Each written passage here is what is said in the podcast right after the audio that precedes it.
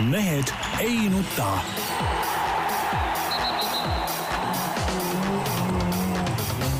mehed ei nuta.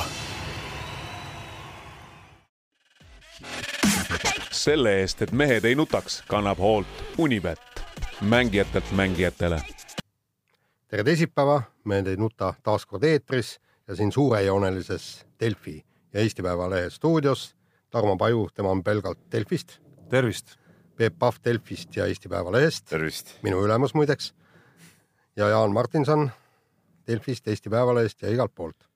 ütleme, sinu saatus on minu kätes kogu absoluutselt, no kogu aeg. minu ka. need samused on sinu peos ja, kogu aeg. ära siin saates ka arvamustega niimoodi väärata. ja ei, ei, sul on alati Kõik, õigus. mul on alati õigus, jah. absoluutne tõde. mis nüüd juhtunud vahepeal on, midagi millestki on ilma jäänud, et Jaan otsustas lihtsalt tänase saate algul esimest korda, ma ei tea, mitu aastat sa oled olnud tema ülemus juba no erinevatel ajajärkudel siiski mõned aastad on olnud. jah, et nüüd täna esimest korda saate ajaloos otsustas kuidagi nagu hakata siin äh, noh no ma loodan palgatõusu. küllap tal, küllap tal on midagi tarvis pärast saadet tuleb, hakkab mingit asja tõukama. vaba, kuule, kuule, täna oleks vaja tead noh, noh, no oleks vaja tead ära minna, tead noh. ei, mul on niikuinii vaba päev. ta on vaba päev tegelikult nii, mehed, räägime poliitikast, et äh, õnneks ma pääsesin sellest USA asepresidendi äh, visiidist suuremate kahjudeta. ja see on täielik lollus, noh täielik lollus. ma ütlen, miks see mees sõidab mööda maailma ringi, kui ta kardab oma elu pärast, istu kodus siis, noh. miks peab tema pärast olema, ma ei tea, betoonplokid ja, ja tuletõrjeautod ja kõik, kõik tõkestatud äh, politseinikud äh, meie raha eest seisavad siin tänavanurkadel, no täielik lollus, noh, täielik lollus no milleks seda vaja on ja mis see andis meile, et see no, mees. aga sinu, sinusugust eest tuleb kaitsta teda. mis, mis mõttes minusugust eest kaitsta, noh? tegelikult sa, Tarmo, sinu arust see on normaalne või? mis asi? minul ei olnud mingit probleemi. ma ei tea, kus see probleem oli. meil oli probleem oli, meil oli ma ei saa arugi, et ta käis. eile tööle tulek, täielik probleem oli. terve Liivalaia tee oli ju, ju sihuke ummik, nagu üldse olla sai hommikul. aga kas sa nüüd ei, kas sa ei tunne nüüd, kuidas noh, tõesti siukest sooja tunnet üle keha, kuidas me nüüd oleme kaitstud ikkagi? mis kuradi sooja tunnet ei tunne või? ei tunne. ei noh, kahju, sinna peavad veel tulema no.. muide, mulle eile õhtul tuli just üks mõte pähe. paar päeva varem oli visiidil Soomes härra Putin, Venemaa president. esiteks kõvem mees kui asepresident. absoluutselt. ja teiseks ma, ma hakkasin mõtlema, et kumba me oleksime tegelikult soovinud. kas see, et meile tuleb külla Venemaa president, meie Ehk naaber, naaber, naaber, jah, ja, ja, ja juhul, kui ta tõesti mõistlikku juttu ajab, temaga võib-olla saab seal üht-teist ka rääkida või siis see, et, et tuleb tõesti nii, nii-öelda väga kaugelt äh, asepresident külla ma, ma miskipärast arvan, et, et soomlased mängivad siinkohal asjalikumat mängu. minu arust ka kõigepealt võige naabritega suhted korras hoida, siis hakata vaatama kuskilt kaugeid külalisi. Noh. no selle dilemma ju viskas päevale juhtkirigi täna, ütleme hekseldas, aga, aga jõudis teistsugusele järeldusele. no vale järeldus, noh. Et põhimõtteliselt äh, jah, noh, ütleme, see NATO on küll väga tore asi, aga, aga me peaksime ikkagi tõesti naabritega hästi läbi saama. see on väga, väga huvitav see, kas sa oled tähele pannud seda, kui oli siin Eh, Eestis olid suured õppused siin, igast mingid kevadtormid, USA tankid siin vurasid ringi ja, ja siis eh, vene, venelased olid nagu hästi pahased, eks ole, et siin sihuke värk käib ja, ja, ja jube risk nende arust, siis me ütlesime, oh mis naljajutt. nüüd vaata, venelastel on see saapad ja õppus ja nüüd meie mingid vennad räägivad, et see on meil julgeolekurisk, tead noh. no mis, mis naljajutt noh. no aga nad peavadki et, nii et, rääkima. vastastikku, no, no see on ju lastemäng ju tegelikult noh ja, ja, ja nii rumal jutt, et kui üldse olla saab. no põhimõtteliselt õppused peavadki toimuma. ei no õppused toimuvad, mis, mis, mis see, mis see ühele või teisele mingi julgeolekuriski nüüd, nüüd tähendab, mis see saapad on meie jaoks hullem kui venelaste jaoks ja meie kevadtorm noh. Tarmo, sina siin kaitsed alati neid Ameerika-meelseid meeleolusid, tead noh, on sul midagi öelda selle peale? eks see kõik ju on nagu mingisugune McGregori ja Mayweatheri mingisugune hüpp. no seda ma räägin, aga seda ma ütlesin ka ju no,. see on ju diplomaatia lihtsalt, mis sa nii tõsiselt võtad seda nagu kõike. nii, järgmine asi, diplomaatia. lihtsalt Venemaa saadetakse välja, mis see oli? Äh, seitsesada USA diplomaati, no mida kuradit nad seal teevad? kas ameeriklased teavad, et nende raha eest seal mingid seitsesada täitsa kasutut venda seal rullivad ja mitte midagi ei juhtu, mis sa arvad, et USA saatkond nüüd pannakse kinni, et töö jääb seisma, et seitsesada inimest sealt ära tuleb. mitte midagi ei juhtu. huvitav, huvitav. palju neid siin Eestis üldse on, ma tahaks teada. kui palju neid, kui palju neid alles jääb? kas Tarmo on need numbrid? ma ei ole lugenud, aga ma kahtlustan, et mitte vähem, kui välja saadetakse. täitsa jabur ju tegelikult, millega tegeletakse no jaa, aga järelikult tulebki tegeleda niisuguste jaburustega, no see, see, see on ju poliitika, noh ega tava, tavainimest kõik see, mis sa nüüd arvad, et tõesti, kui, kui eile me vaatasin AK-st ja, ja USA asepresident kõik rääkis, et, et artikkel viis kehtib ja NATO vihmavari ja kõik, et, et kõik siis inimesed kõikides kodudes lõid šampanjad lahti ja jess, me oleme nüüd kaitstud ja kõik. NATO sirm on meie pea, pea. no täpselt huvitav, et see kõik teile nii korda läheb, et ei, kodus, kodus ju palju põnevamad asjad, vaata Püha Jüri kiusamine käib täie hooga, Edgar on võtnud äh, ikkagi nagu ah, mis seda ei on võtnud järgi. ikka nagu Jüri kiusamise nagu korralikult äh, aktsiooniks see, ette, kuni, kuni sügiseni. see on veel ebahuvitav. ei no see on vähemalt nagu kodune see, teater aga, selline. vaata, aga see ei sega meil nagu igapäevast elu, aga, aga kui siin käivad mingisugused Euroopa Liidu mingid lipsuvankad, eks ole käib mingi Ameerika mingisugune taat siin tuiamas, vot siis ma ei saa nagu normaalselt siin tead olla, tead see, see jääb mind närvi. ja, ja kui sa pead ikka vahetama elukohta, tuled sealtpoolt, kus ei sega sind mingid ummikud. ei, ma tulingi, eh, kuna see Õismäe eh, ring on kinni, siis ma tulingi Pärnu maanteele, sellepärast mäng jäi seal nii-öelda punase joone taha. aga miks peaks Aruküla meest ja, ja Vasalemma meest üldse huvitama, mis siin Tallinnas käib? Savisaar plõksib siin. ei no meie, Jüri on ikkagi meie peaminister. ei no mis peaminister? aga Jüri ei kandideeri ju Tallinnas, no mis sa nüüd siin räägid? ei no huvitav ikka noh ei, see ei ole üldse huvitav. nii, kuule, lähme spordi juurde. nii, lähme nüüd spordi juurde. seal on tõesti huvitavaid asju. ja seal on huvitavaid asju ja, ja eriti huvitav oli muidugi see, et, et EP naiskond krooniti maailmameistriks ja no ütleme, siin hõisati välja, et, et võistkondlik esimene MM-tiitel Eestis läbi aegade ja, ja nii edasi, nii edasi, aga, aga noh, ma ei tea, kas niisugustel statistikakildudel olulist tähtsust on. tähtsus on see, et meie EP naiskond on maailma parim ja, ja, ja, ja pärast kahte ebaõnnestunud turniiri õnnestus lõpuks tšempioniks tulla. no vägev, see oli, see oli, äh, ma olin just parajasti teel äh, Soome rallile ja, ja mis siin salata, et eh, Tarmo hakkab minuga pahandama, aga Soome kiirteel sõites eh, oli mul telefon pandud ülekandega armatuur lauale ja vaatasin matši ja, ja kui oli viimane vahetus käes, siis ma jäin tee äärde seisma, sest ma tahtsin seda emotsiooni nagu, nagu vahetumalt kogeda, tead noh. nii oligi, see oli, see oli nagu selle siiamaani nüüd selle spordiaasta eh, kõige kõvem hetk minu jaoks. absoluutselt ja, ja noh, mis oli ju eriti äge selle juures oli ju see, et ja noh, ilmselt see oli ka üks võiduvõtmeid tegelikult, et me oleme näinud eh, naiskonda erinevatel turniiridel, noh, kasvõi olümpial ja me oleme näinud olukorda, kus eh, noh, on olnud hea olukord, kus neljast kaks on vehelnud oma sellist nagu tõesti nagu parimat vehklemist aga nüüd me nägime olukorda, kus sisuliselt ju kõik neli panustasid, noh, kes mingis matšis rohkem, kes vähem, eks ole, aga nõrka lüli selles nelikus isegi ei olnud nagu nelja seas, rääkimata sellest, et et noh, sa saad neljast ühe välja jätta ja siis veel kuidagi üritad paigata näiteks seal kolmikus üh, ühe nagu nõrkusi on ju, noh nagu olümpial Julia Beljajeva näiteks. et, et antud juhul kõik neli panustasid ka veel, mis oli nagu eriti lahe.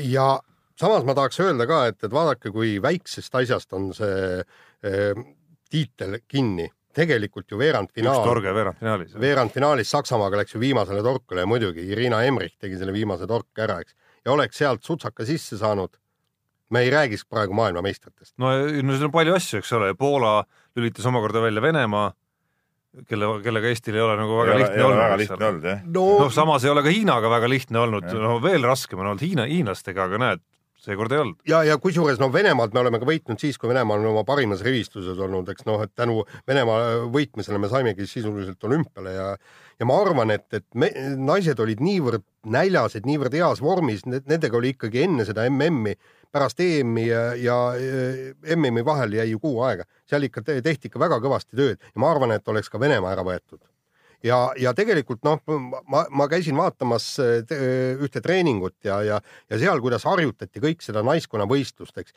viimat-, viimase minu, minuti vehklemist, viimase sekundi vehklemist, äh, viimase torke tegemist, kõik, kõik see mängiti, kõik stsenaariumid läbi, noh nagu äh, peatreener Kaido Kaaberma ütles, eks, et, et, et noh, et et parandada ajatunnetust, eks, kui sul on mõned sekundid jäänud ja kõik, kõik nii, et nad teevad see, seda küll iga kord neid läbi, aga, aga see, millise innuga nad seal töötasid, see oli kihvt vaadata. aga kihvt oli lugeda ja kuulda eelmisel nädalal ja mitte ainult eelmisel, vaid siin üsna värskeltki veel, kuidas ühel teisel olümpiaalal ehk laskmises on ka tulnud meile medal, tõsi, kokku kaks, üks neist siis ka olümpiaalal ehk siis Peeter Olesk. kolm medalit on tulnud. meie laskja kaks medalit Euroopa meistrivõistlustelt, pluss siis veel Naiskonna. Na, naiskonna medal, aga neil on see nii-öelda kolmesaja meetri jaa, no mis ei ole jah, mingi ütleme olümpiaala. mis on oluline, on see, et jah, mis on oluline, et Peeter Oleski EM-i medal olümpiakiirlaskmises ikkagi ka ametlik olümpiaala. jaa, absoluutselt. Ja- ja, ja tegemist noor mees ja, ja, ja peaks nagu olema nii-öelda natuke ka tulevikumees. no vot, vot siin äh, no eile jälle koju sõites mõtlesin, et, et kui äge see sport on ja, ja kui äge siin see Eesti sport on, et, et tuleb järsku üks tavaline Põlva kutt ja, ja jõuab õige ala juurde ja selgub, et tal on meeletult annet, eks tema treener on rääkinud, et äh, viimase saja aasta jooksul ei, ei ole Eestis nii head laskurit, püstolilaskurit äh, olnud. ma loodan, et, et äh, noh, Peeter Oleskile tuleb ka äh, nii-öelda mantlipärijaid, aga, aga see, et, et vend võtab täiesti tõsiselt, ta on kakskümmend neli aastat vana kõigest. Ja, kusjuures tema ambitsioonid on ju nii, et kunagi mit, mõned aastad tagasi ma tegin temaga intervjuud ja siis ütlesin, et noh, et ju- juuniorides ta võitis ju äh, kolm medalit äh, EM-ilt ja siis rääkisin temaga, et noh, täiskasvanute seas, et mis sa loodad, et, et tuleb ka edu. ta ütles, et ei, ei, mis mõttes loodan, ma olen täitsa kindel, et ma võidan täiskasvanutes medaleid, et ma teen nii palju tööd ja kõik vajalikku ja ma kindlalt võidan need medalid. ja nüüd kahekümne nelja aastaselt esimene käes. no natuke võttis aega, ütleme, noh, mõned konarused No tuli ikka, jaoks 24 ikka on üle käia, aga, aga jah, kokkuvõttes ikkagi üsna ja no kiiresti. mees käis ka olümpial eelmine aasta, sai sealt Jah. oma eh, Vitsad esimese kätte. jah, ütleme sahmaka kätte ja, ja, ja nüüd ongi hakata realiseerima ennast. no ja, ja kusjuures tal on ju tegelikult noh, Läti laskja oli vist, mis ta oli, kuuekümne kuueselt eh, oli veel olümpial niimoodi, et et, et Peeter Oleskil kogu elu võib olla kogu nagu elu. spordis. jah, et hästi tubli poiss. nii, aga lähme nüüd siis kiire vahemängu juurde ja alustame korvpalliga ja Gerd Kullamäe, U kaheksateist koondise abitreener siis äh, Mattias Tassist hõikas äh, välja säärase lause, et nagu kuradi Dikembe Mutombo. et, et selgitage, kas, kas äh, poiss on ikka päevitanud väga või no ja, Jutt käis ja ikka- jutt käis ikka visete blokeerimise oskusest ja sellest ninast õigel ajal üles hüpata ja see käsi sinna vastu panna. et võib-olla see selline kõrilõikaja liigutus on veel puudu siiski Dikembe Mutombost, aga, aga võib-olla selles vanuses ei maksa veel väga hüppama hakata. absoluutselt, et see on siiski et siis, kui NBA-sse la- lasteturniiril kulpi Jah. paneb ka midagi muud kui, kui päris, päris võistlustel ja mängudel ja, No- ja eriti veel no ütleme praeguses turniiri faasis. no aga teine asi on see, et, et üks mees paneb kulpe, teine mees ei pane kulpe. et, et see, see tähendab ikkagi, sul peab ka selle asja peale annet no, olema. no nüüd täpselt samamoodi nagu mõnel mehel on nina minna lauapallidele järele, olla nendes kohtades, kuhu lauapallid eh, tõenäolisemalt kukuvad ja, ja mõnel mehel mitte, et korvpalli ajalugu teab näiteid küll igasugu väga suurtest keskmängijatest, kellel lihtsalt ei ole ja, ja üsna treenimatu on ka, et seda ei anna nagu väga palju treeninguga no, parandada annab kindlasti treeninguga parandada, aga ütleme, mingi sihuke instinkt jah, peab ikkagi olema. just, et noh, midagi ei ole öelda, ega Mattias Tassil nagu antud on päris palju. tahaks väga loota, et antud on ka see tohutu töövõime nüüd järgmistel aastatel. nagu see- see kõik nagu tulemuseks nagu realiseerida, realiseerida, täpselt jah. Äh, aga tundub, et Eesti on koht, kus, kus korvpallurite vähemalt ihuliikmed saavad päris kõvaks, ehk siis äh, eelmisel hooajal Rapla korvpallimeeskonnas mänginud Chito Kokk, Hollandi koondislane, oli äh, maailma spordimeedia tähelepanu keskpunktis eile, kui äh, Holland ja Itaalia pidasid sõprusmängu ja itaallaste NBA staar Danilo Gallinari kostitas teda siis äh, korraliku rusikahoobiga vastu lõuga ja tulemus oli see, et Kokil kerge paistetus, aga Gallinaril käsi katki ja EM jääb mängimata. no siin on kaks asja, eks ole, et, et, et see näitab ära, kui hea toidu peal Raplas mehed olid, eks ole, et luud tõesti läksid nii kõvaks, et nagu, nagu, nagu, nagu ra- raudpoldid. oota, teine ma, asi muidugi, noh, ma lõikan kohe vahele, äkki nad sõid mune koos koortega, sellepärast seal on ju see kaltsium Jah, ja see jah, tugevdab jah no, piima palju peale, eks ja ole. piima palju peale. piimavunsid äh, vurisesid siit niimoodi alla. no või Aga- lihtsalt D-vitamiini anti kogu aeg toiduga. see on nagu igav, nagu seal tuli, tuli ikka nagu maalähedast värki, vaata Rapla on nagu maavõistkond ikkagi, noh. jah, Et ta on talu küla- toidu jaa, pealt üles noh, kasvanud päikest siin igatahes ei olnud, mis luid tugevaks teeks. päikest ei olegi vaja, nii palavaks teeb. Aga, aga no see jälle Gallinari seisukohast jälle noh, see on see pikaaegne Ameerikas olek, eks ole, seal ju, ju praegu käib, eks ole, see Mayweatheri McGregori see ärplemine ja, ja tõmblemine ja mees on veel vaadanud ka seda neid muid äh, võitlustriangleid liiga palju seal. noh, mõtlesin, et ta on ka nüüd kõva mees, et teeb naksu ära, aga noh, ta ei teadnud, et tegelikult seal näiteks sealsamas profimaaduses ja seal, et seal noh, pihta ju ei panda, eks ole, et seal käsi maha peab, tabani muidugi täiega laksti ära ja käeluu puru, noh. no tu tundub, et, tundub, et nagu lüüa tuleb ikka osata. kui ei oska, siis ära löö no.. ei, asi pole selles, poiss pole maatoidu peal olnud lihtsalt pole piima jäänud, pole mune söönud. ja see õige mehel on nukid maha natuke, kui löödi, ongi kõik ja jooksid jälle edasi, tead noh. mitte jälle luu puruks. jah, kusjuures äh, äh, samas e-, eksinud on ka kõvemad mehed, mul täiesti juhuslikult sattus äh, täna hommikul just Facebookis ette üks video, mis rääkis, nüüd ma, nüüd ma nime, nime ma ei mäleta, see oli mingi omaaegne mingisugune drafti esimene valik NBA-s ja tema debüütmängu umbes teisel minutil läks ta ja pani Karim Abdul-Jabarile siia kol, kõhtu kolmnurka. Noh, niisuguse noh, no vähe odava löögi nii-öelda. Ja viis sekundit hiljem Jabbar tuli ja küttis talle lõuga lihtsalt sõna otseses mõttes. Ja Jabbar sai ka vigastada, kusjuures vigastas oma rusikat. noh, Ameerik-, ameeriklaste no, Ameerika värk, no ma räägin, et Eestis ütleme siukest asja, kui näiteks Palusalu oleks korvpallur olnud ja vaadata, kui ta oleks kellegi lõuga paitsnud, et ta käega midagi juhtub, poleks aru ei saanud. teinekord õppetund, et löömise asemel noh tee mingisugune valuvõte või mingi asi seal, noh. kägistamisvõte või midagi siukest. siis jääd ise terveks vähemalt. sest mis seal salata, meil on ju endal ka näiteid olemas, ei ole mustad mehed sugugi ja ei ole NBA sugemetega, et Kristjan Kanguriga ükskord jättis suve vahele, tõsi, ta ei löönud vastast, vaid lõi, oli see Mustvee või mis saal see oli, kus ta vastu seina, seina lõi või oli see Lähte, ma täpselt ei mäleta. ja, ja ei mäleta, aga ma mäletan, siuke asi oli, noh. no aga aga ikkagi ka jälle välismaal. Äh, ja ma mäletan, sina oled ka löönud ju, aga sinul jäid kõik kohad terveks. kõik terveks, seina sisse tuli auk lihtsalt, see oli, see oli tõesti, see oli Sihval ja meil oli valdas Spartakiad korvpallis ja, ja noh, Tartuga mängisime, Tartu kohtunikud tegid muidugi seal oma, oma roppusi, nagu ikka nad teevad, eks ole. ja noh, läksin välja, mõtlesin ka kivisein, äh, läksin koridori, panin vihahoos jalaga ja jalg läks läbi seina, tuli, tuli küprok. ja siis peeti turniir kinni et enne edasi ei lähe, kes selle augu tegi, mina tegin, maksin seal mingisuguse väikse raha ja siis pärast remondimehed remontisid ära. kusjuures no, Tarmo on tulemus... seina lõhkunud. ma usun kusjuures Peep, et tulemus oleks sama olnud, kui küproki asemel oleks kivi olnud. ikka oleks auk sees olnud. paar tellist oleks kukkunud sinna kuskile maha. lihtsalt krohvima oleks tulnud hakata. täpselt. ja no ega sa, Tarmo, ei ole ka patust puhas, nagu Jaan, Jaan meelde tuletas, et siitsamast allpool, korruse allpool Õhtulehe seal spordinurgas oleme näinud sinu soorituses ka neid lööke ja seina seina purunemist. nii, aga lähme edasi eh, vormelimaailma ja, ja Lewis Hamilton eh, tegi siis siukse asja, et Ungari GP-l kõigepealt siis Valteri Potas kästi teda mööda lasta. tingimus oli see, et, et Hamilton eh, suudab kahele esimesele konkurentsi pakkudes mööda sõita ei suutnud ja siis ta lasi finiši sirgel Potas ometi ise mööda ja, ja minu arust täielik lollus. Täielik lollus, sellepärast et, et Hamilton on ikkagi tiitlivõitluses ja, ja, ja andis ära väärtuslikud punktid. no sama, samas on ju ka soomlane tiitlivõistluses, Valter Bottas. ja, kui no, Hamilton ja, oli ees, no ja, siis mis no, ikka teha.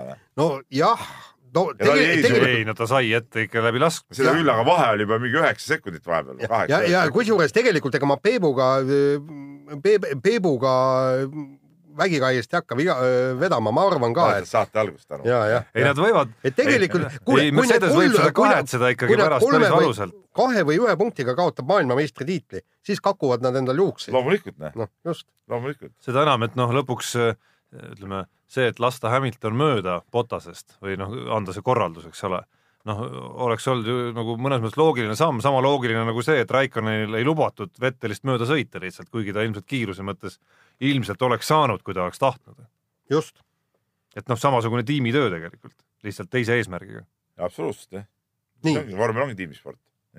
jääme põrinate juurde ja, ja Eestil Eesti on ka kõva rallimaa, aga vist vastu panna pole eriti midagi. Jyvaskyla MM-rallil ergutasid äh, Soome tüdrukud rallimehi nõnda, et, et võtsid endale aga tissid paljaks ja seisid kenasti raja kõrval ja äh, Mats Östbergi kaardilugeja äh, saatis sotsiaalmeediasse postituse ja ütles, et, et ralli on ikka karm värk, et niisuguses olukorras võib täiesti rajalt välja panna ja, ja siis oli ka eestpoolt need pildid tehtud, küll natukene udused, eriti head ei olnud, aga, aga, aga vot.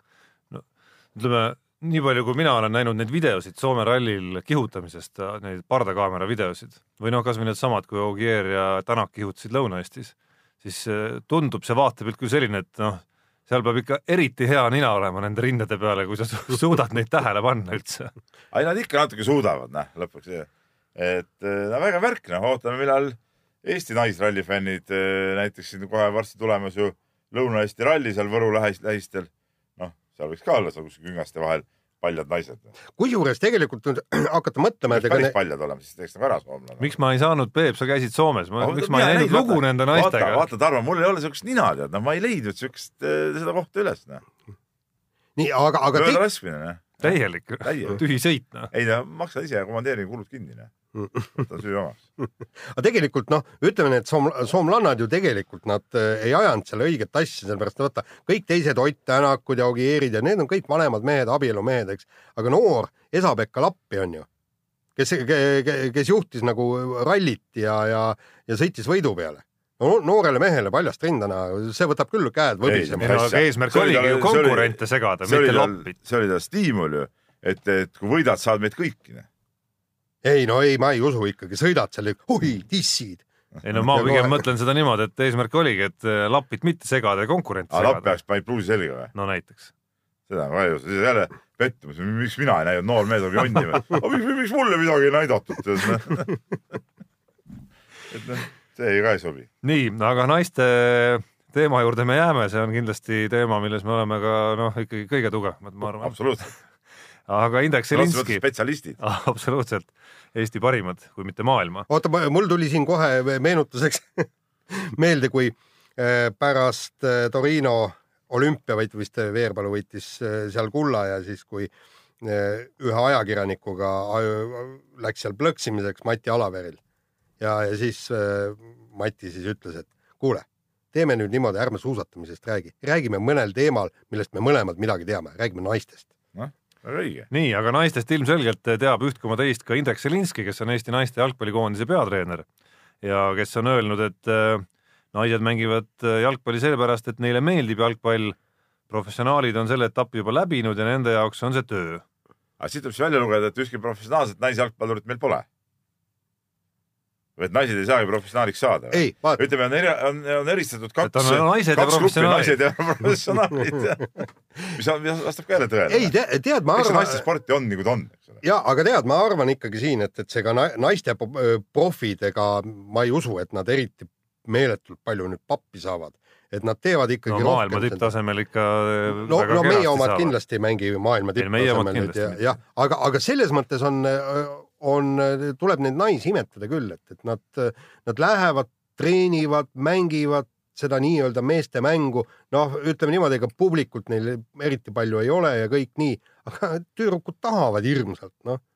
selle eest aplaus neile. jah, mulle, mulle meenus selle lausega, kuna sõnastus on juba sarnane, meenub üks teine lause, selle ütlejaks oli mõned aastad tagasi oli Läti naiste korvpallikoondise kreeklasest peatreener, kes äh, võrdles siis äh, mehi, mees- ja naiskorvpallureid ja ütles, et noh, see ilmselt taandub või seda võib panna teiste alade võrdlusse samamoodi.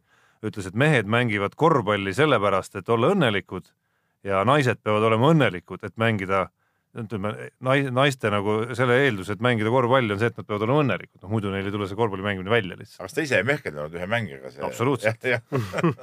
et ta teadis täpselt, kuidas seda, kuidas seda õnne tegi, valdkonda tõi luua. õnne selle naisterahva õuele ja Jah. siis suutis ta ka korvpalli mängida. ja täpselt ja no ja, ja mängis hästi, ei saa salata. siiamaani ja mängib. siiamaani mängib hästi.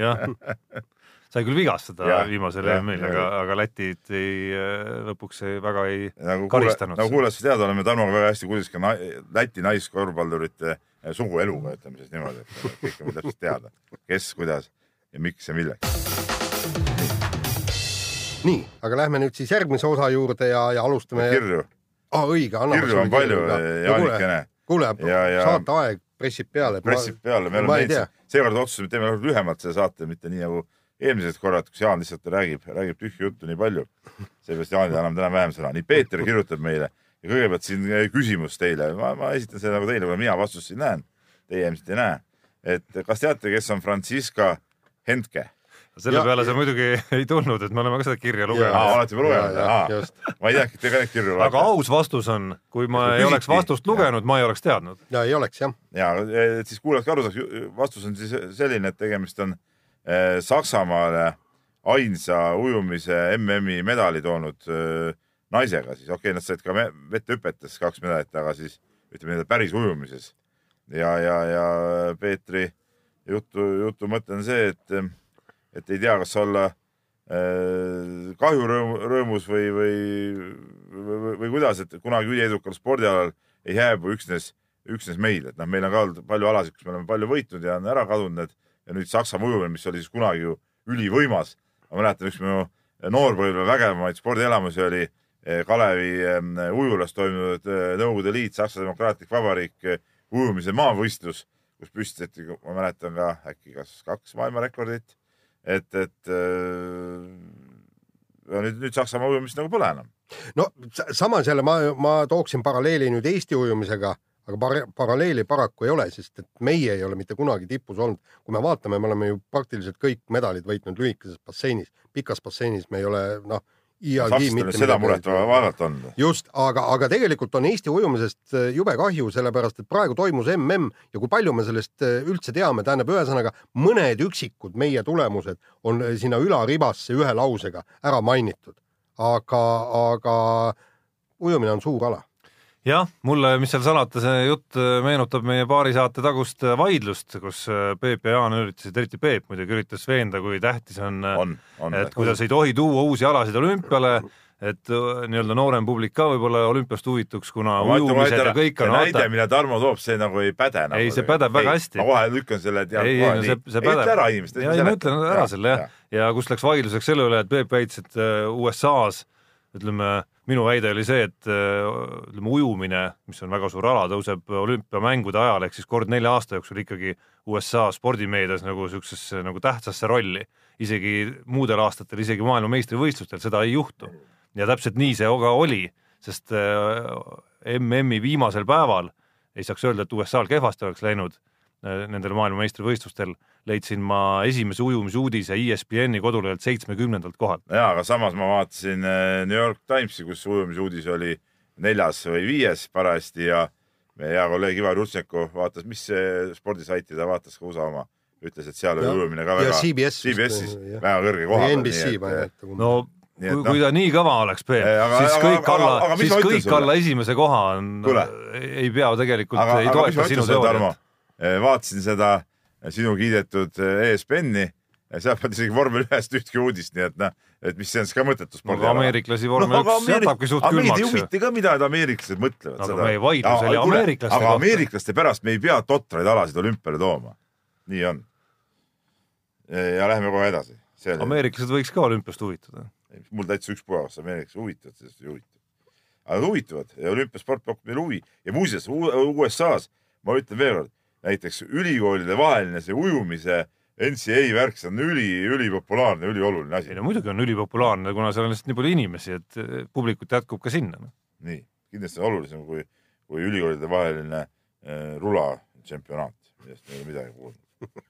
Nii, aga eh, Viktor Vihmaväri kirjutab meile ja Nad ei käigi ülikoolis, kusjuures ma kahtlustan need rulamehed nii väga, aga alles, mis meenutab mulle meie tänahommikust vaidlust, kus Peep üritas mulle väita, et see haridus ongi täiesti mõttetu.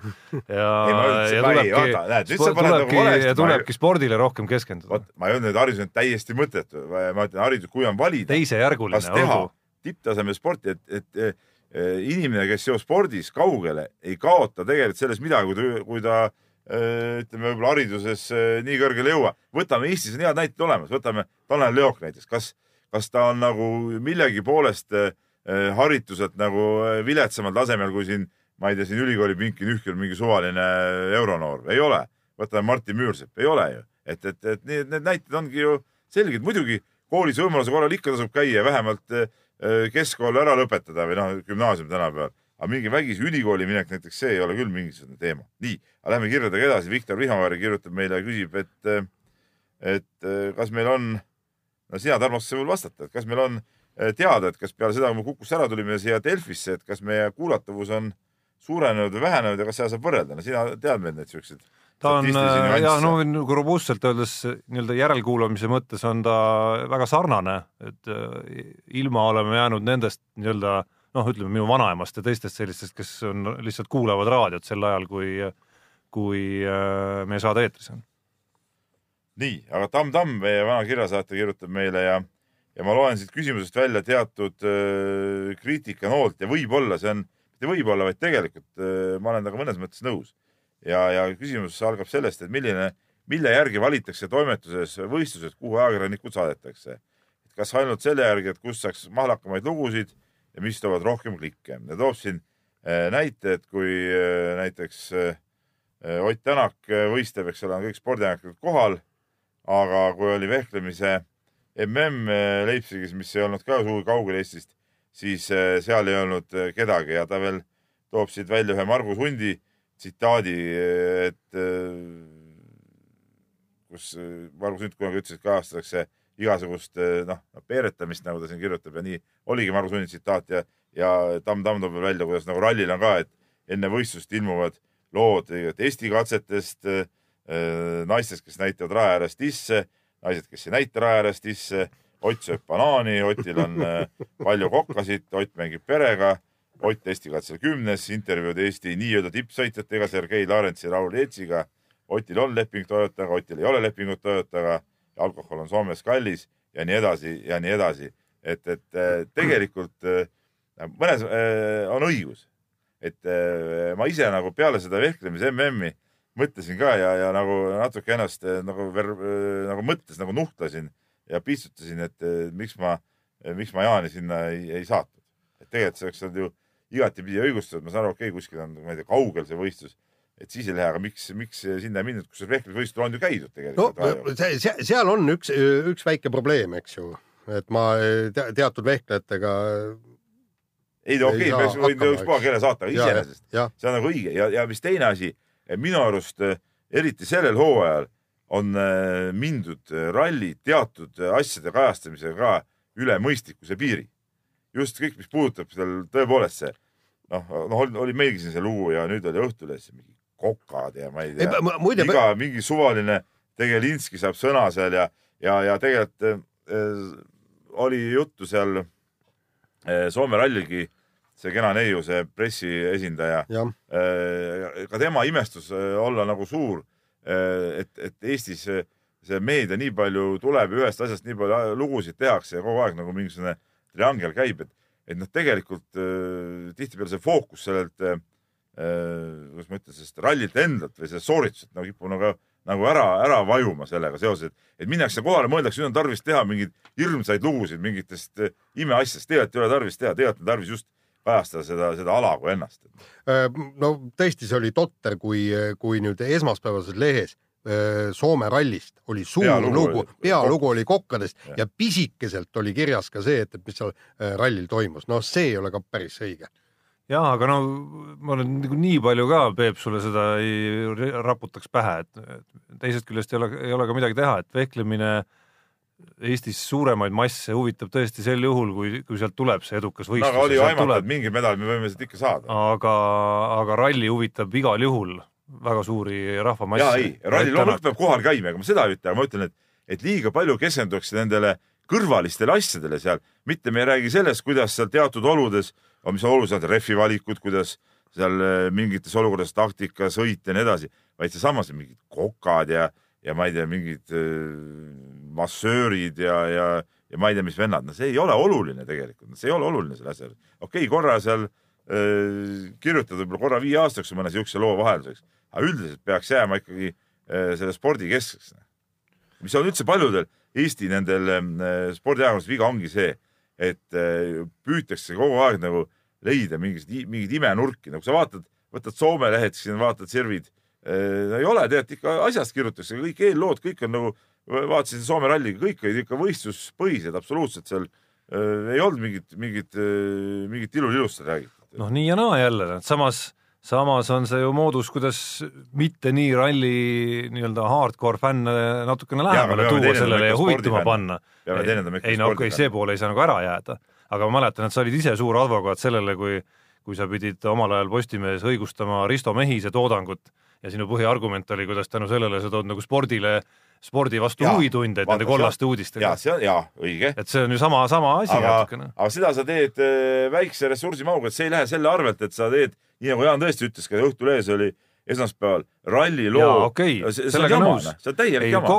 minu arust nagu iseenesest nagu vaadata sinna telgitagustesse on väga huvitav ja see kokkade lugu samamoodi, aga jah, proportsioon on antud juhul täiesti see vildakas on äärmisel juhul sidebar, nagu öeldakse. ja ei, selles lehevaates loomulikult, nii ja, ja, ja eh, viimane asi, seda enam, et see lugu oli veebis ilmunud juba. noh. mis me võtame siin, mis Kaarel kirjutab ja, ja, ja Kaarel siin, ma ei tea, kas na- naerab natuke minu üle, aga ütleb, et no ütle siis veel, et vanale koerale uusi trikke ei õpeta, et eh, parandage mind, kui ma eksisin, mulle jäi Postimehe intervjuust Tänaku mulje, et isand Pahvi käes oli nutitelefon, mida ta kasutas diktofonina.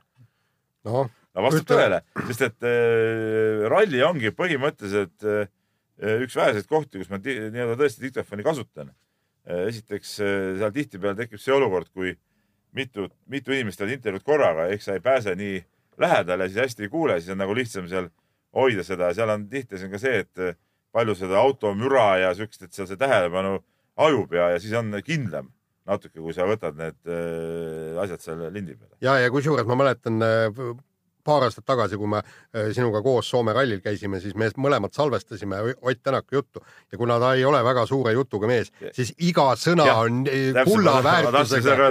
ja, ja, ja rallil on tihtipeale olukord, kus tõesti iga sõna on kulla väärtusega, seal ei saa seda lubada, et sul kaustikusse kirjutas, mida me tavaliselt teeme, eks ole, et jääb mõni sõna või lause jääb nagu, nagu välja või kasutamata. ja, ja juhtub ka vahel, et lihtsalt ei saa oma käekirjast aru pärast. ja, nagu ja, seda on juhtunud jah. ja, ja, ja ja, ja kusjuures muuseas, mis on huvitav selle käekirja teemaga, me kõik kasutame seda.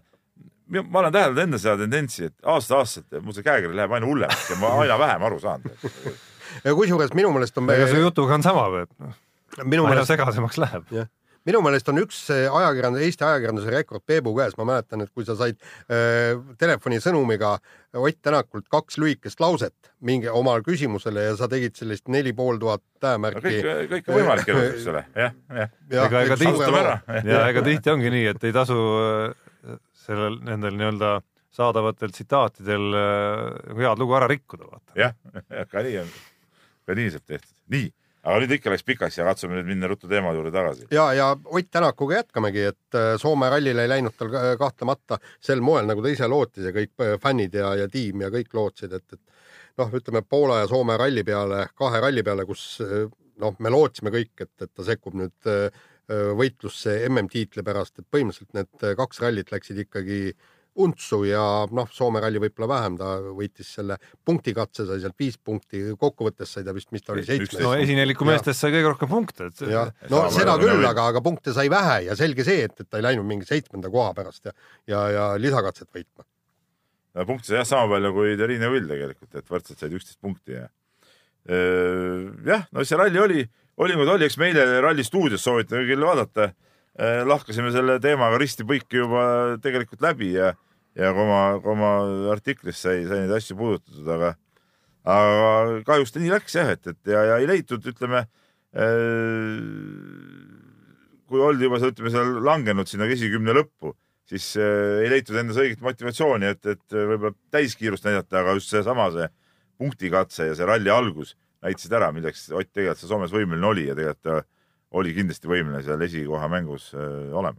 ja kusjuures väga mitmed on rõhutanud just seda, et, et seda nii-öelda äh, ralli ebaõiglust, et äh, kui, kui Ott Tänak neljandal kiiruskatsel esimeses kurvis vajus veidikene rajalt välja ja selgus, et seal oli kivi, mis siis äh, tagaratta ära lõhkus, siis äh, no soomlane Suninen, see ju kihutas nokaga otse vastu puud on ju, radiaator seal käisid äh, piruetid ja, Ja kõik, kõik, jutud jah. käisid läbi. ja, ja, ja vend, vend sõitis rahulikult edasi, et, et noh, ütleme niimoodi, et, et ääretult kahju on ja jällegi Ott Tänakust, noh, rikkus tegelikult see, see üks kivi rikkus äh, laupäev-pühapäev ära, et, et ega nii suurt huvi enam selle ralli vastu ei olnud. muidugi vaatasid ka neid kiiruskatseid ja mis seal ees toimub ja kõik. aga ikkagi nüüd Võib-olla- tuleme tagasi selle sama lugejate, lugejate huvi, huvitaval kombel säilis väga kõrge tegelikult kuni, kuni ralli lõpuni, et noh, arvestades seda, et, et tõesti suurt midagi püüda polnud, siis näiteks lugejate number, mida me siin nagu selgelt saame mõõta veebikeskkonnas, oli väga soliidne.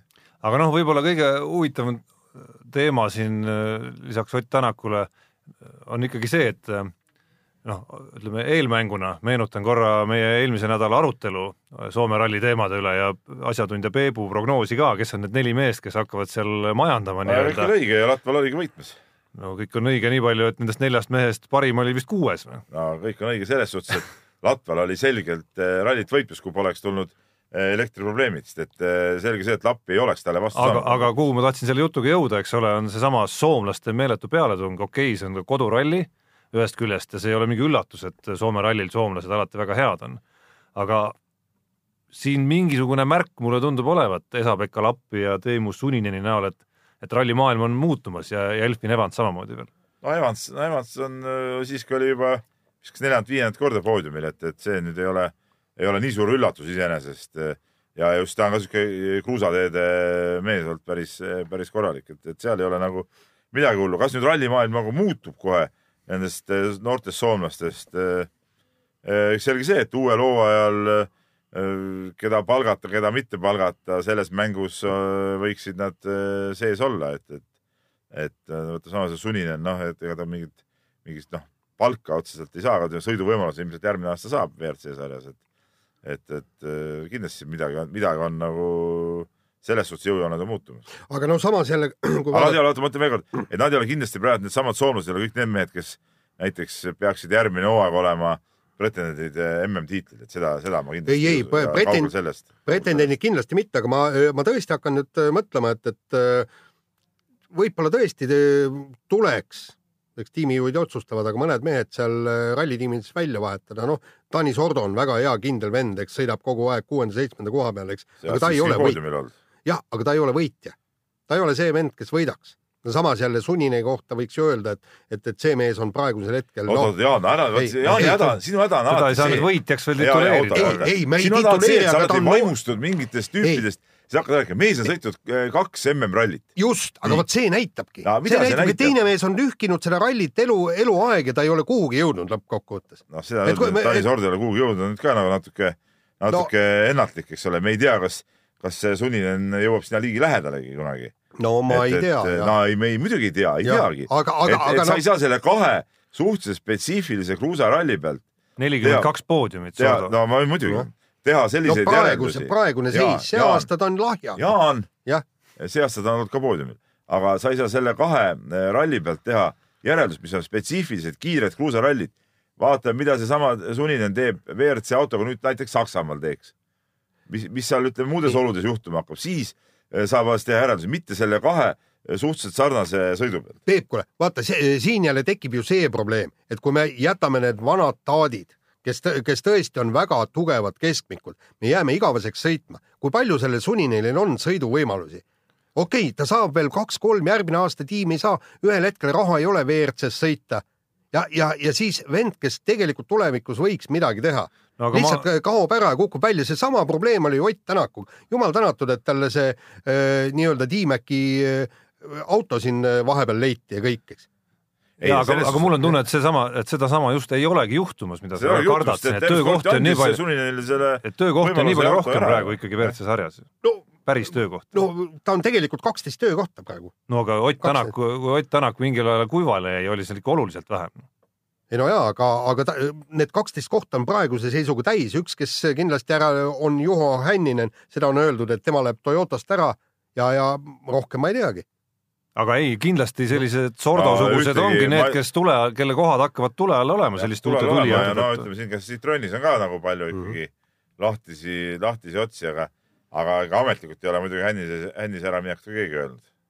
ei no. üheski ametlikus äh, avalduses ei ole see läbi käinud? no ei, no põhimõtteliselt ei, miks ei ole, see, see ju ütles see äh, Timo Johki, kes on selle Latvale mänedžer, see ütles, et vahetatakse välja ja sellepärast tema ju tõigi selle Tänaku kaardi äh, Soome meedias esile.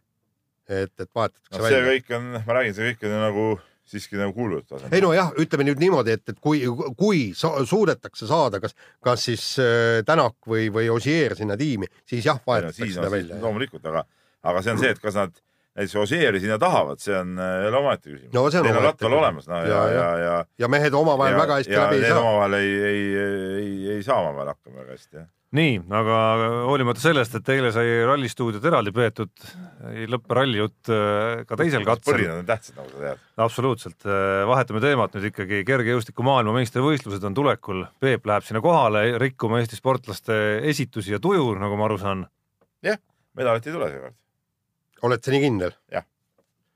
no ma olen selles no suhtes. tõenäosus nii ju ütleb. tõenäosus nii ütleb, et, et äh, ma viimase hetkeni uskusin Gerd Kanteri võimalusse. aga praegu tundub, et ikkagi see äh, taastumine ja siis see vahepealne seljavigastus, need kõik on jätnud ikkagi oma jälje, et, et äh, ega raske on loota, et kui mees heidab äh, nädal enne heidab kuuskümmend üks, et ta siis nädala pärast, nädal hiljem heidab kuuskümmend kuus, kuuskümmend seitse. Et see eeldaks äh, noh, ikkagi mingit erakordset äh, õnnestumist juhust. no rääkisin Gerd Kanteriga, ta ütles, et selle äh, probleem oli selles, et selg oli erakordselt korras, üle pika-pika aja oli korras, et, et tal oli niisugune imelik tunne, et ta ei saanud nagu endale rütmi paika, aga ta ütles ka, et, et no tema jaoks on esmatähtis muidugi kvalifikatsioonist edasi saada. Ja kui sealt saab edasi, siis ta lootis, et tal on nii palju kogemusi, et äkki suudab need kogemused kuidagi enda kasuks ei, absoluutselt, see- tema ei, ongi, see- see tema- vaatamata kõigele ongi tema meie kõige suurem medal lootus. no see see tema trump ongi, sest noh, teisest Jah. küljest, kui päris tulemusi vaadata, siis ja tõenäosuste juurde minna, siis ma arvaks, et äh, tõenäosus on suurem seniste selle hooaja tulemuste põhjal, et Magnus Kirt suudab näiteks visata no ütleme kaheksakümmend seitse meetrit oda onju. siin on üks väike ja, detail. ja et äkki sellega on võimalik ka medal saada. Tarmo, siin on üks väike detail. Magnus Kirt ei ole veel tiitlivõistlusel kunagi absoluutselt, just, äh, oma siukest äh, tavalist taset täis visanud. ja seda ma tahtsingi öelda, et ongi Kanteril on need kogemused, eks ole. Kirdil on see, et tema selle hooaja nagu nii-öelda joon praegu, eriti praegu pärast seda kaheksakümne kuue meetrist kaart justkui nagu lubaks ja just ma tahtsingi öelda, et, et enne MM-i ei ole ka Kirt kunagi kaheksakümmend kuus meetrit visanud. ei, Kirt on teinud väga-väga hooaja ja, ja ma loodan, et ta lõpuks ometi suudab ennast ka niimoodi suurel tiitlivõistlusel, no vähemalt seal lõppvõistlusele äh, välja visata. no õnneks on lihtsalt see, et odaviskaja tase on praegu selline, et liiga meeletu nagu. et seal võib nagu ei välista, et okei okay,, pronks võib olla üheksaga jalga, aga aga kaks esimest medalit vabalt võivad alata, noh. aga, aga üks, kellest me ei ole eriti mitte midagi kuulnud, no Xena Baltast me teame, et tal on vigastus, noh läheb, läheb, läheb kohale ja annab, tal ei ole vigastust. ei, viimati rääkisin Rein Saarud, ütles, et kõik on korras. ei no nüüd on kõik korras, aga noh, tähendab, tal oli vigastus, sellepärast ta ei ole võistelnud, aga, aga mis on Rasmus Mäe eh, vorm? Kas ke keegi üldse sellest midagigi teab? ega täpselt ei tea. no ütleme, ma saan aru, et mingi probleem oli vahepeal, aga Estikate järgi midagi fataalset jällegi mitte. see, kuidas ta siledat jooksis, siledat neljasadat jooksis, näitab. oma parima päeva. tasemel. täitsa, täitsa tipp-topp seisus peaks no aga temalt ootaks igal juhul Eesti rekordit ja eks siis vaatame, kuhu see välja viib. jah, igal juhul Eesti rekord, mina leian, et, et äh, peamine eesmärk peaks olema jõudma finaali. see oleks ju väga kõva asi.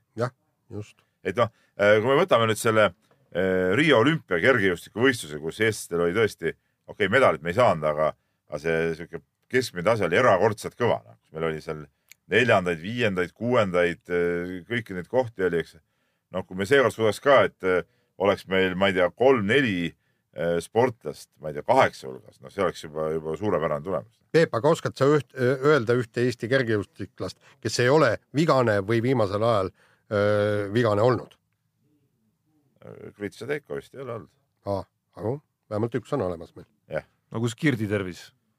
Noh, ei ole üldiselt on võistelnud ikkagi suht Jah. stabiilselt Jah. ei, tal ei ole ka midagi olnud, Kirdiga ma rääkisin Eesti meistrivõistlustel jah. ta ütles, ma küsisin tervise kohta ka, ta ütles ka, et ei ole tipp-topp kõik. Nonii, hurraa. ja seda tema hooaeg on olnud ka ju varasematega võrreldes selgelt nagu level kõrgemal. No. no ja ta on nagu regulaarselt võistelnud Jah. kogu aeg, nii, aga äh, siia ploki lõpetuseks siis kiirelt. noorte korvpall kiirelt ja U kaheksateist EM äh, nagu siin kuskile kirjas finaalturniir, see finaalturniir see muidugi ei ole, see on siiski B-divisjoni turniir. B-divisjoni finaalturniir. nojah, no jah, see on kõik turniirid on finaalturniirid, aga, aga äh, Tallinnas käimas on, Eesti on praeguseks hetkeks mänginud siis äh, kolm kohtumist, kolm võitu saanud, neist kaks äh, nii-öelda haljavad võidud, üks äh, natuke nippa-nappama, aga ka ikkagi äh, põhimõtteliselt suhteliselt kindel. noh, kõik ei ole nii nagu, nagu peab minema, et probleem on olnud see, et äh, vigastuste tont on natuke koondise peale langenud. Jah, ja päris oluliste mängijate osalt, et minu arust see Kaspar Treieri vigastus eriti ja see on eriti olukorras, kus, kus ütleme, see eesliin nüüd kõige nagu rikkalikum meil ei ole, et noh, ütleme, see ei ole päris okei okay,, ma arvan, et Tass peab seal kolmekümne viie, neljakümne minuti vahele mängima, eriti niisuguse pika turniiri jooksul, õnneks küll ilmselt nüüd järgmises kahes mängus on, on seda mänguaega võimalik hajutada päris kõvasti asi jah, ja, ja teine asi on see, et eh, ega Robin Kivi ka on eh, ütleme viskajana ja vahetusmehena on ikkagi väga oluline lüli nagu selles, selles võistkonnas. aga noh, ütleme need kaks mängu idee järgi peaks olema nüüd formaalsus, mis on jäänud veel Iirimaa ja vist oli Makedoonia jah jah, et äh, alagrupi esikohta justkui no noh, oleks väga ebaloogiline, kui miski veel vääraks seal. Ja, ja noh, siis läheb, siis tulevad need otsustavad mängud, veerandfinaal tuleb võita, väga tõenäoliselt paistab sealt Poola vastu tulemas veerandfinaalis. ja no ütleme, ma arvan, ma ei ole küll näinud mängimas Poolat, tulemusi olen vaadanud. Iisraelile kaotasid kolmega ilmselt mängus, mis otsustas alagrupi esikoha, et ma ei usu, et see saab lihtne olema.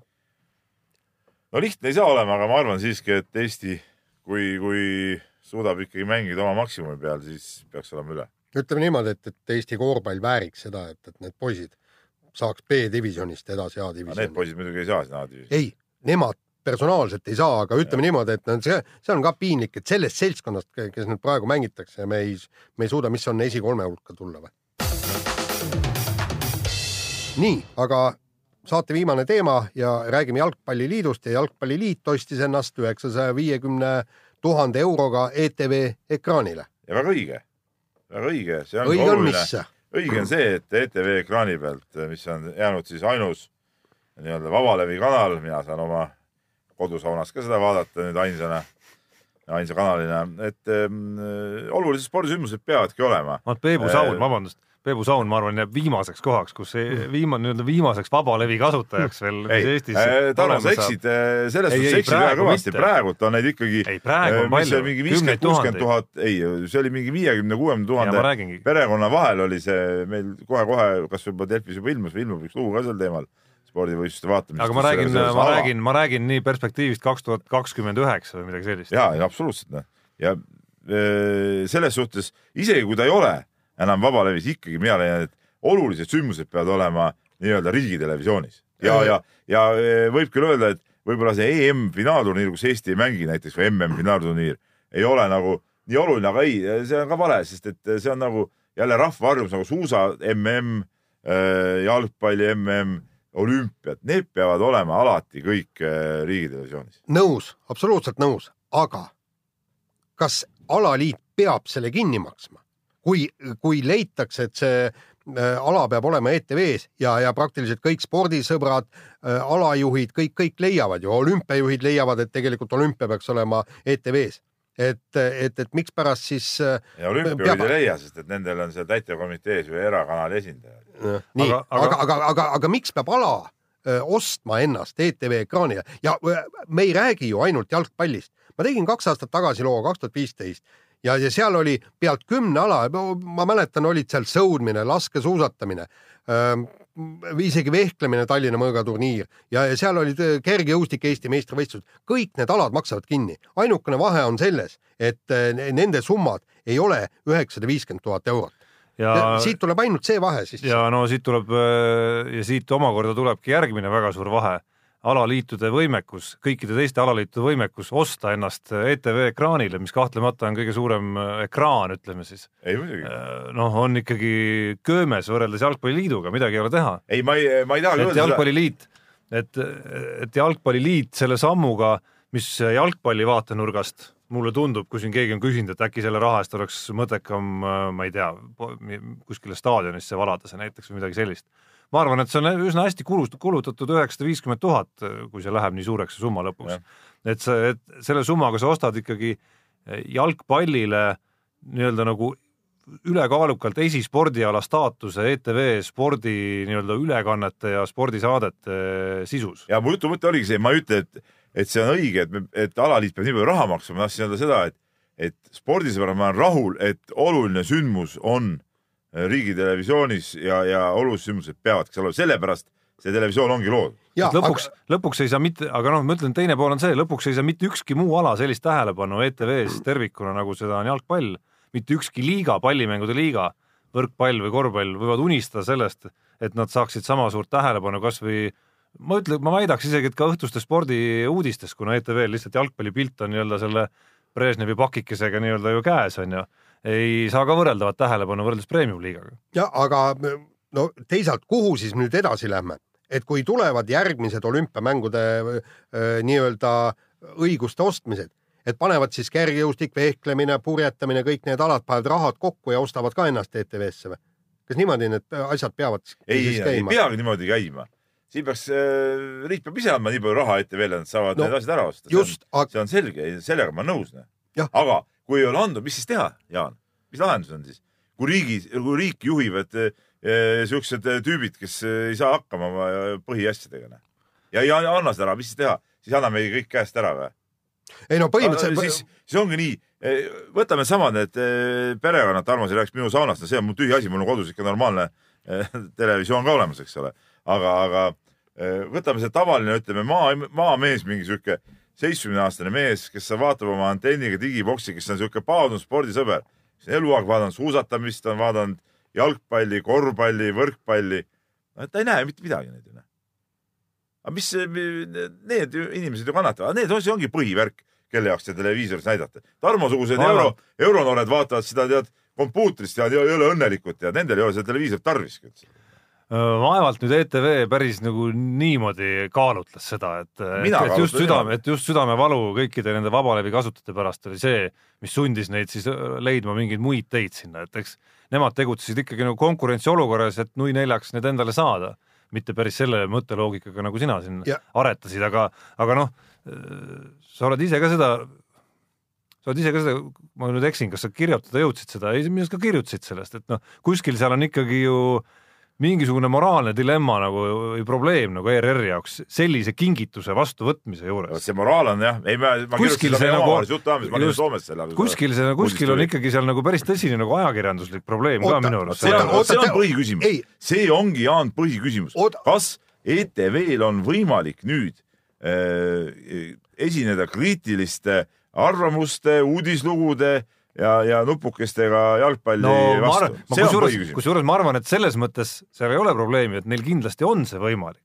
lihtsalt äh, kas nad äh, igaüks suudavad seda, on iseküsimus ja teine küsimus on, et see peab ka nagu välja nägema, et nad suudavad, et ei teki sul küsimust, et kui a la suvaline näide praegu kommenteerivad Tarmo Tiisler ja Indrek Selinski, kes on ühtlasi ka Jalgpalliliidu töötaja tegelikult, äh, Eesti koondise mängu ma ei tea, Eesti kaotab null kolm üks kolm ja siis nad hakkavad kiitma selle, et tegelikult mängiti jõle hästi, et siis nad teevad seda sellepärast, et nad arvavadki, et nii Eesti mängis hästi, mitte sellepärast, et mingid muud seosed on kuskil taga seal, et see Mu... peab ka näima kõik ju puhas. muide, seal on kolm, kolm asja, punkt üks on see, et, et jalgpalli ükstapuha, kes kommenteerib, kiidab seda niikuinii, sest nad on niisugused alakesksed inimesed, ma tean, kuidas korvpalli, korvpalliajakirjanikud kiidavad ka korvpalli teinekord ülemäära ja nii edasi ja nii edasi.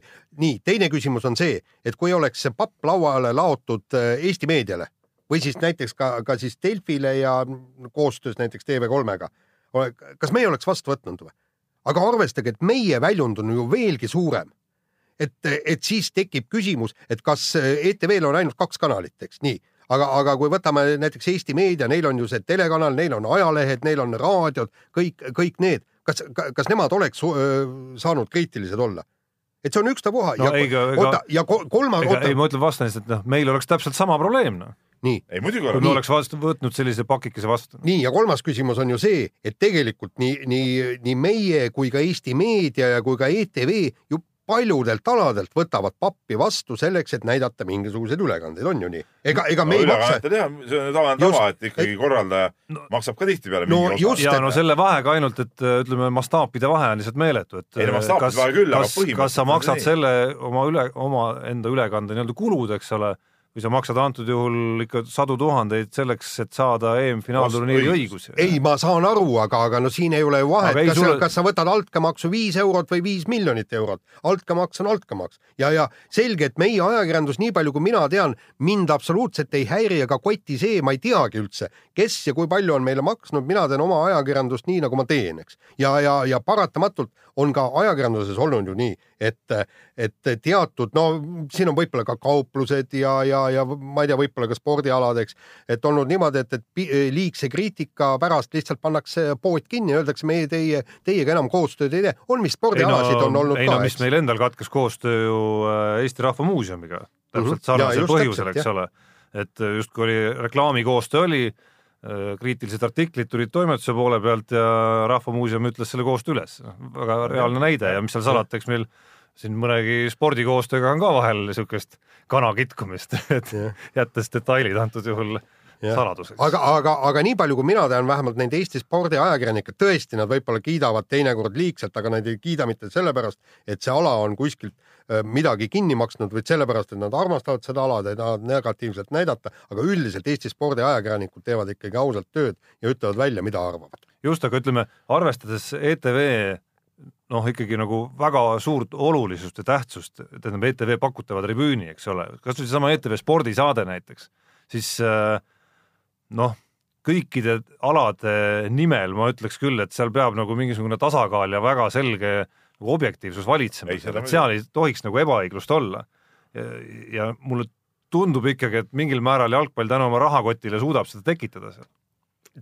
kas, kas tänu rahakotile või sellele, et, et äh, ta saadab pilti sinna, oli ju mõned aastad tagasi, või see aasta ei ole olnud, aga mäletate, kui see oli mingisugune lühiraja EM ujumises, kus tulemused olid jälle nii, nagu nad olid, aga saadeti ilusti videopilt, on ju, tehti intervjuud. ja see läheb kõik sisse. ja, ja, ja kõik lihtsalt sellepärast, et neil on ja ma olen ETV inimestelt küsinud, et miks te näiteks kas seda või teist või kolmandat head tähtsat sündmust nii vähe olete kajastanud, aga ütlevad, meil ei ole taustaks pilti olnud ja siis me ei saa sellest teha pikemat klippi, see on nende väide.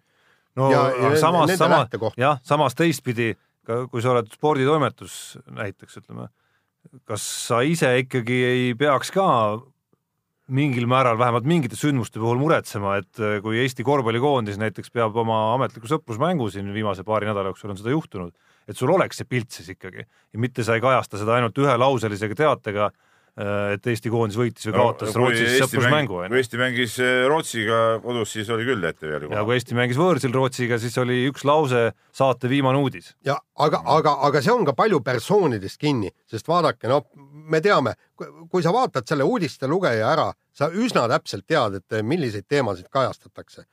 kes on olnud siin suusatamise ja ratsutamise peal ja kes räägib korvpallist rohkem, kes räägib kergejõustikust kes ühed näitavad NBA-d, NHL-i, teised ei näita, et see, kes on päevane toimetaja, sellest väga palju sõltub, paraku. nii, nii, meie eesmärk igatahes ei, ei täitunud, täitunud., rääkida täna vähem, järgmisel nädalal üritame uuesti. head aega. mehed ei nuta.